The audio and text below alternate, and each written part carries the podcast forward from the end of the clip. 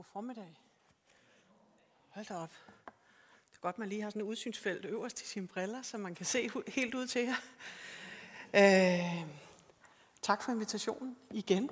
Og jeg kan heller ikke huske, hvor mange gange jeg har været her, men jeg vil bare sige, at øh, jeg nyder det hver gang. Nu skal jeg lige have teknikken til at virke heroppe også.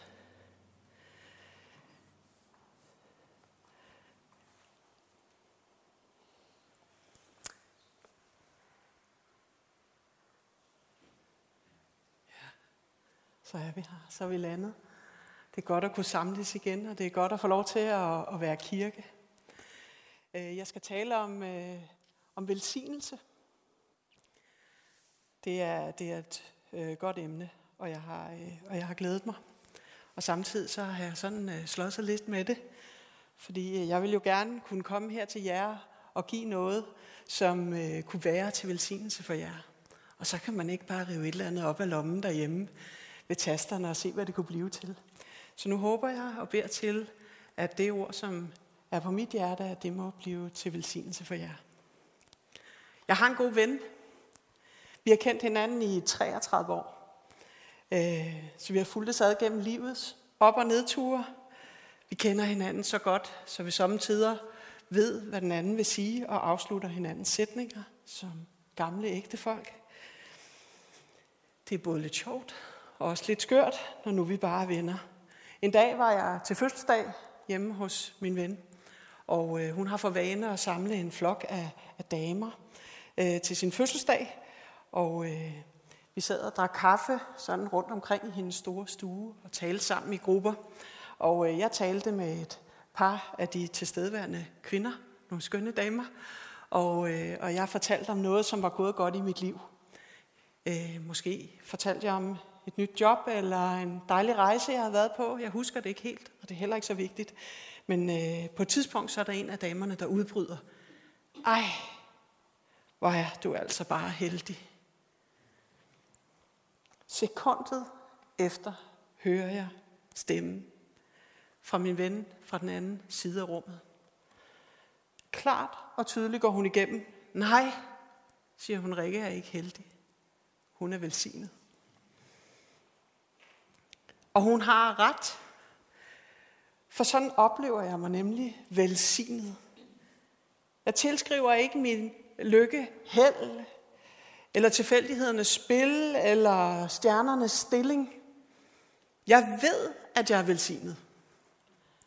Velsignet er min far i himlen, som på alle måder omsutter mig, som følges med mig igennem mit liv, som har omsorg for mig. Han har været med mig på selv de mest krogede veje igennem min tilværelse. Og han skal være sammen med mig langt ind i evigheden. Velsignelsen kommer fra Gud. Med mit velsignede liv vil jeg prise ham. Og når min ven proklamerer, at det er sådan, det er, så er hun ham også. Lad os læse salme 115 sammen. Ikke os, Herre, ikke os, men dig selv skal du takke, for du er kærlig og trofast. Hvorfor siger de fremmede, hvor er jeres Gud, når vores Gud er i himlen, og alt hvad han vil, det kan han gøre. Deres guder er sølv og guld, lavet af menneskehænder. Deres guder har munde, men kan ikke tale. De har øjne, men kan ikke se. De har ører, men kan ikke høre. De har næser, men kan ikke lugte noget. De har hænder, man kan ikke mærke noget. De har fødder, man kan ikke gå. De har ingen stemme. Det er det samme med dem, der har lavet dem og tror på dem. Israel, stol på Gud, han er jeres hjælper og beskytter. Præster, stol på Gud, han er jeres hjælper og beskytter. Jer, som tror, stol på Gud, for han er jeres hjælper og beskytter. Gud husker os og velsigner os. Han velsigner sit folk. Han velsigner præsterne. Han velsigner dem, der tror på Gud. Både store og små. Gud giver jer mange børn. Både jer selv og jeres børn igen. I har fået alt godt fra Gud. Ham, som skabte himlen og jorden. De højeste himle tilhører Gud, men jorden har han givet til menneskene. De døde kan ikke synge halleluja for Gud. De er gået ned i stillheden. Men os, der er levende, vil synge for Gud. Nu, fra nu og til evig tid. Halleluja. Men os, der er levende, vil synge for Gud fra nu af og til evig tid. Halleluja. Gud husker os og velsigner os. Han velsigner sit folk, står der. Sikke en skøn tekst. Israel lovpriser Gud. Ja, de opfordrer endda Gud til at takke sig selv. Og de sammenligner Gud med de guder, som andre folkeslag havde. Guder, som de selv havde formet i sølv og gud. Deres guder har munde, man kan ikke tale. De har øjne, man kan ikke se. De har ører, man kan ikke høre. De har næser, man kan ikke lugte. De har hænder, man kan ikke mærke noget, og de har fødder og kan ikke gå. De har ingen stemme. Umiddelbart kan jeg godt hygge mig lidt over den hån, som salmisten fremturer med. Lidt som i salmen Din, din er æren, hvor vi synger, se hvor frelser lever, død, hvor er din brød. Det ligger også lidt fjernt i vores kultur at være hånlige. Vi er mere sådan som håndboldspillere, der siger ting som, øh, ja, vi skal møde et stærkt hold, så har vi stor respekt for dem. De har, været mange stærke, de har mange stærke spillere. Vi skal virkelig passe på. Vi stiller med en stærk bagkæde. Så håber vi, at vi kan få vores spil til at fungere godt. Hvor efter holdet går ud på banen og uddeler håndbold ørefiner af de helt store. Jøderne er mere som boksere som skal i ringen. De syger hinanden, de stiller sig op over for hinanden, øh, armen over kors og ser ned på modstanderen, og så siger de ting som, jeg er i mit livs bedste form, og ingen i hele verden kan slå mig. Jeg har gennemskuddet min modstander, og jeg tager ham. Hvorefter de går i ringen og indkasserer en gevaldig indefuld. Vi opfatter det næsten som lidt umoden og barnligt sådan at være håndelig. Og alligevel føles det rigtig skønt med lidt retfærdighed. Her siger de fremmede, hvor er jeres Gud? Når de fremviser deres fine og funklende guder. Men salmisten har svar på tiltale.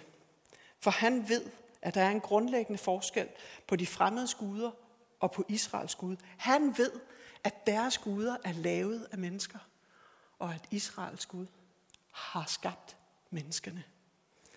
Og mens han beskriver de fremmede, gude, de fremmede guders mangler, så fremhæver han samtidig Guds natur. For Gud har en mund og kan tale. Han har øjne og kan se.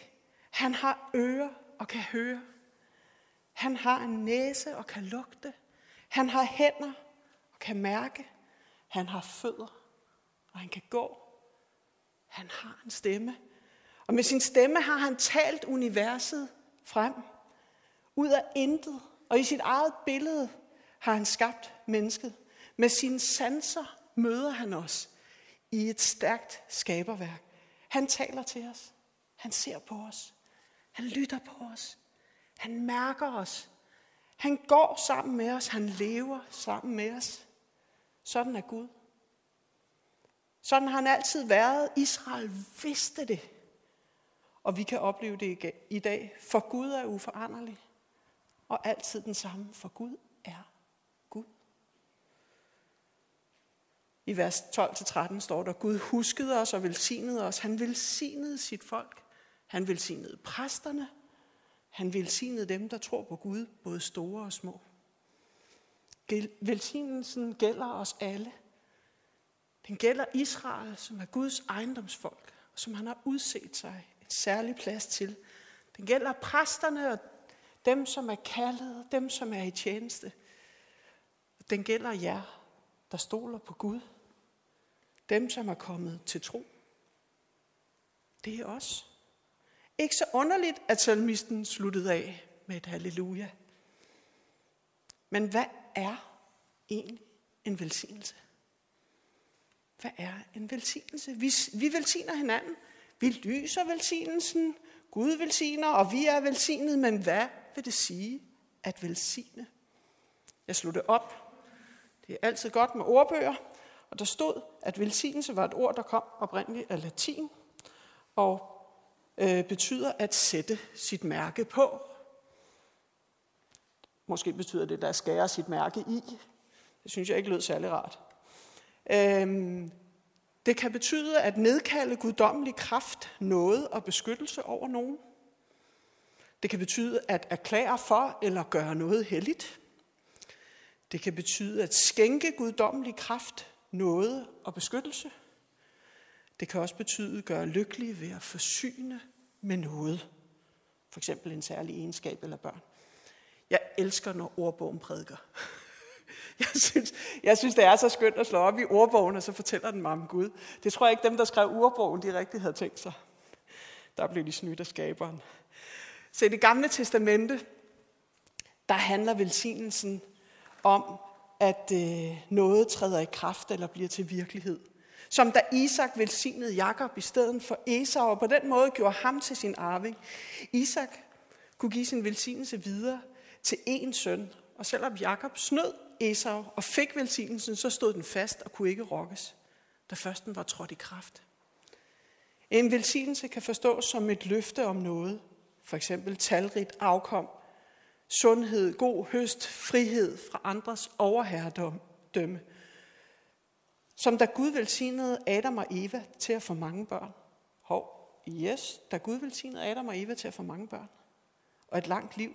Selvom Gud kort efter forviste Adam og Eva fra Edens have, så stod hans velsignelse fast. Og de fik mange børn og et langt liv. En velsignelse er, når Gud forpligter sig. Som da Gud forpligtede sig på at føre Moses og israelitterne ud af Ægypten. Gud lovede dem udfrielse, og han fulgte sit løfte til dørs med hele ti plager og en, et mirakel over vandet. En velsignelse er et løfte fra Gud om fremgang og trivsel, lykke og velfærd eller mad, som da Gud velsignede Job. Efter alle de frygtelige ting, han havde været igennem. Først mistede Job alt. Familie, velstand og anseelse, men Gud holdt sit løfte og gav Job det dobbelte tilbage. Og Job døde 140 år senere, gammel og tilfreds, står der. Det var alligevel noget, var. 140 år senere. Det er ikke noget, jeg går og regner med. I Gamle Testamente er velsignelse ofte noget ret håndgribeligt eller noget ret formelt. Det handler om forsørgelse, og det handler om medgang. Guds mission til Israel var at blive mangfoldig og opfylde jorden. Og for at det kunne ske, så havde de brug for Guds velsignelse. Øh, når Israel holdt sig tæt til Gud, så gik dem det godt og de levede under velsignelse. Og når Israel fjernede sig fra Gud og øh, gik med det, de selv synes var sjovest, så levede de under forbandelse eller fravær af velsignelse. På samme måde som mørke er fravær af lys. Så når vi kommer ind i det nye testamente, så er velsignelse lidt anderledes. I Nye Testamente, øh, der skifter velsignelsen så at sige karakter. Det handler mere om fred og frelse, som da Jesus, for, øh, da Jesus velsignede de små børn, som disciplene forsøgte at jage væk, så de ikke skulle forstyrre. Jesus tog dem til sig. Han gav dem et kram, og han velsignede dem. Det handler om mæthed og fylde, som da Jesus velsignede fem små brød og to fisk, og bespiste 5.000 mennesker, som var kommet for at lytte til ham.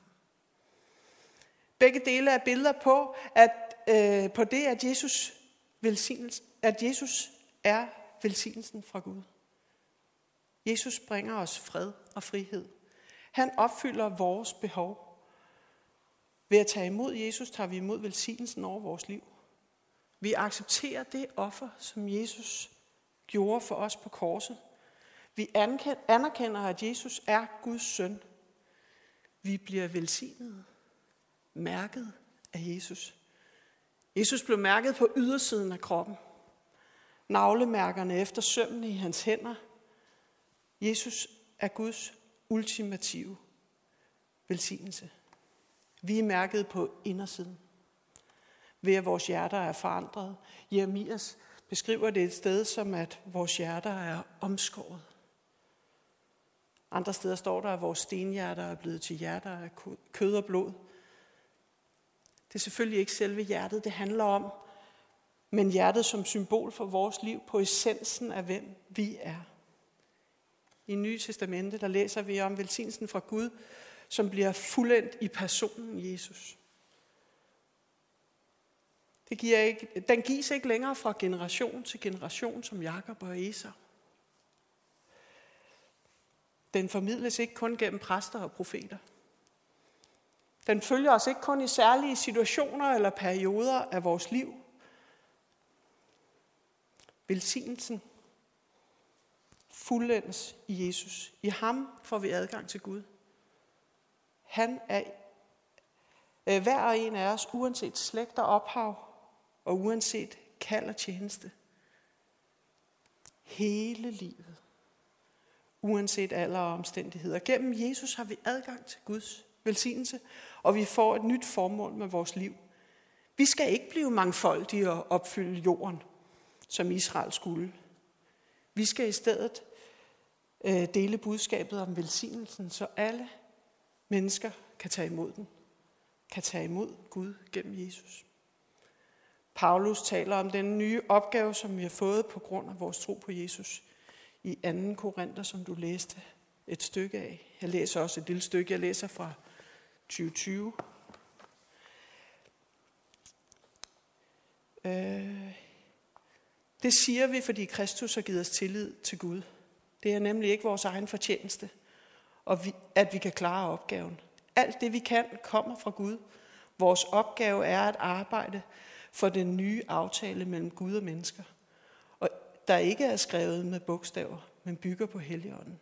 Bogstaverne slår ihjel, men ånden skaber liv. Dengang Moses kom ned fra bjerget med stentavlene, strålede hans ansigt så stærkt, at jøderne ikke kunne tåle at se det. Den opgave, han havde, reddede ikke nogen fra døden.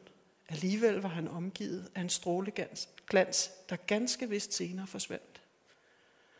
Når der fulgte så meget ære med den opgave, der ikke kunne stille noget op imod døden, hvor meget mere respekt vil der så ikke stå om vores opgave, der bygger på Helligånden. Vores opgave er at arbejde for den nye aftale mellem Gud og mennesker, der ikke er skrevet med bogstaver, men bygger på Helligånden. Bogstaver slår ihjel, men ånden giver liv. Jøderne kendte godt historien om Moses. Kendte den ganske godt. Moses kom ned fra bjerget med stentavlerne med den nye lov, og hans ansigt skinnede så meget, så han var nødt til at dække det med et klæde, fordi de kunne ikke holde ud og se på ham. De blev blændet af ham. Paulus bruger billedet her som en løftestang i sin samtale med de kristne, for at de skal forstå, hvor meget større deres opgave er, end den Moses fik. Senere taler han også om, øh, hvordan de selv vil komme til at stråle endnu mere end Moses, og at deres glans vil vare ved. Moses bragte en lov, som ikke førte til frelse. Det var umuligt at leve op til den. Det er umuligt at leve op til den, for selv de mest fromme.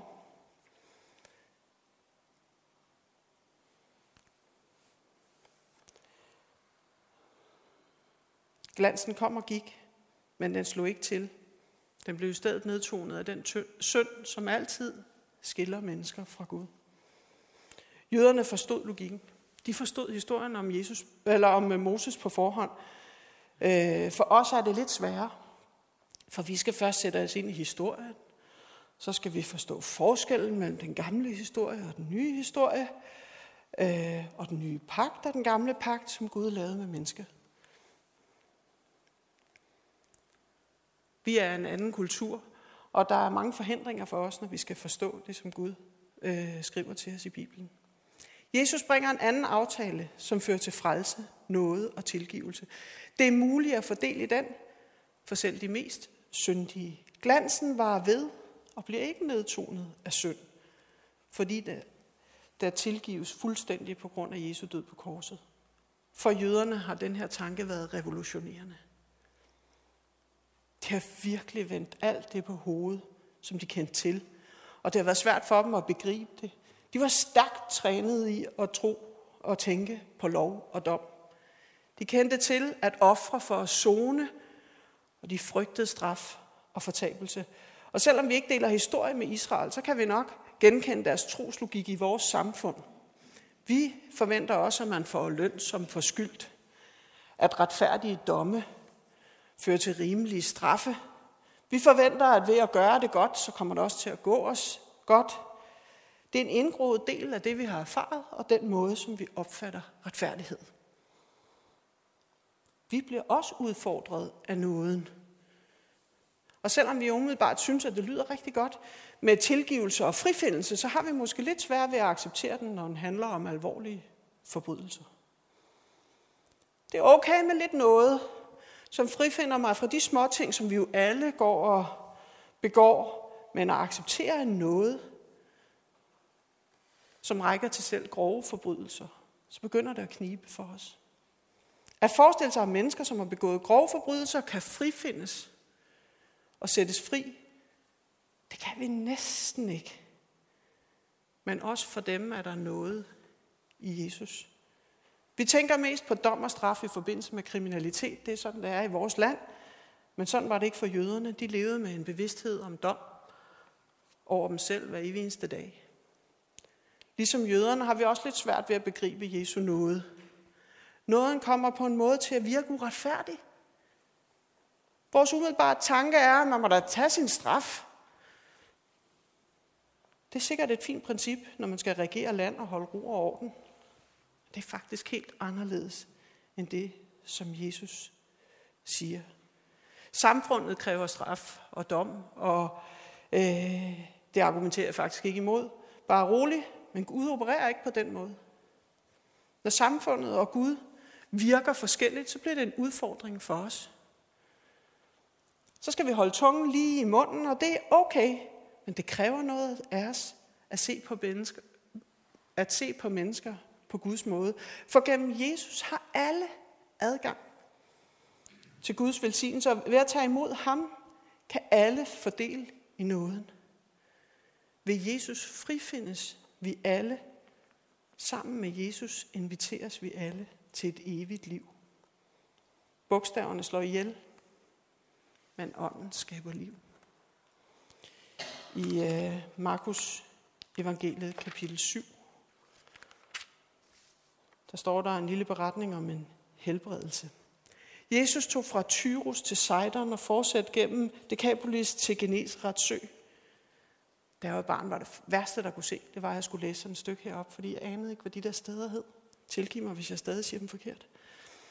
Her kom nogen hen til ham med en mand, der var døv og havde svært ved at tale, og bad ham om at lægge hånden på ham. Jesus trak manden lidt til side, stak sine fingre i ørerne på ham, spyttede på fingrene og rørte ved hans tunge. Så kiggede han op mod himlen, sukkede og sagde, Effata. Det betyder, luk dig op. I samme øjeblik blev mandens øjne eller ører åbne, og der blev løst op for hans tunge, så han kunne tale uden problemer. Jesus forbød, forbød folk at sige det til nogen, men jo mere han forbød det, jo mere fortalte de det videre. De var helt ude af sig selv af begejstring og sagde, alt det han gør er godt. Han får døve til at høre og stumme til at tale. Effata, luk dig op. Jesus velsignede manden. Han beder himlen om at åbne sig over ham. Og himlen åbnede sig, og mandens ører og tunge blev løst op. Og folket udbryder. Alt det, han gør, er godt. Det er netop den velsignelse, som Jesus er, som blev manden til del. Han bad om den, han tog imod den, og han blev forvandlet. Når Gud velsigner os, så gør det noget ved os. Det udfordrer vores måde at tænke på om os selv og om andre. Det forvandler vores virkelighed. Det får os til at skinne, så vi kan blive som Gud. Så vi kan tale med andre mennesker. Så vi kan høre, lytte til andre. Så vi kan lugte andre så vi kan mærke dem, gå med dem, så vi kan række dem velsignelsen, så vi kan præsentere dem for Jesus. For han er Gud, uforanderlig, altid den samme, nådig og barmhjertig, og du er velsignet. Amen. Lad os bede sammen.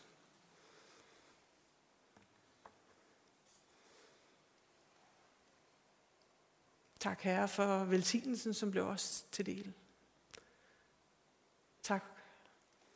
Tak, fordi du er en levende Gud, som kan se og høre og gribe ind og gå med. Tak, fordi du velsigner os, så vi til enhver tid må sige, at vi er velsignede. Vi er fyldt af dig. Far, jeg beder om, at du vil minde os om den her status, som vi har. At du vil prikke til os, når vi føler os mindre end velsignet. At du vil huske os på, hey, du er velsignet. Når vi taler os selv ned, når vi, når vi ikke rigtig får øje på dig i vores liv. Mind os om, her, at du velsigner os med dit nærvær, med din frelse. At du følges med os igennem vores liv. At du velsigner os til stadighed. Far, hjælp os til at øh, huske velsignelsens navn, Jesus. Hjælp os til at øh, række den velsignelse fra dig videre til dem, som vi lever iblandt. Hjælp os, Herre, til at præsentere alle, som vi møder og som vil lytte for dig, Jesus. Så også de må opleve at være velsignet.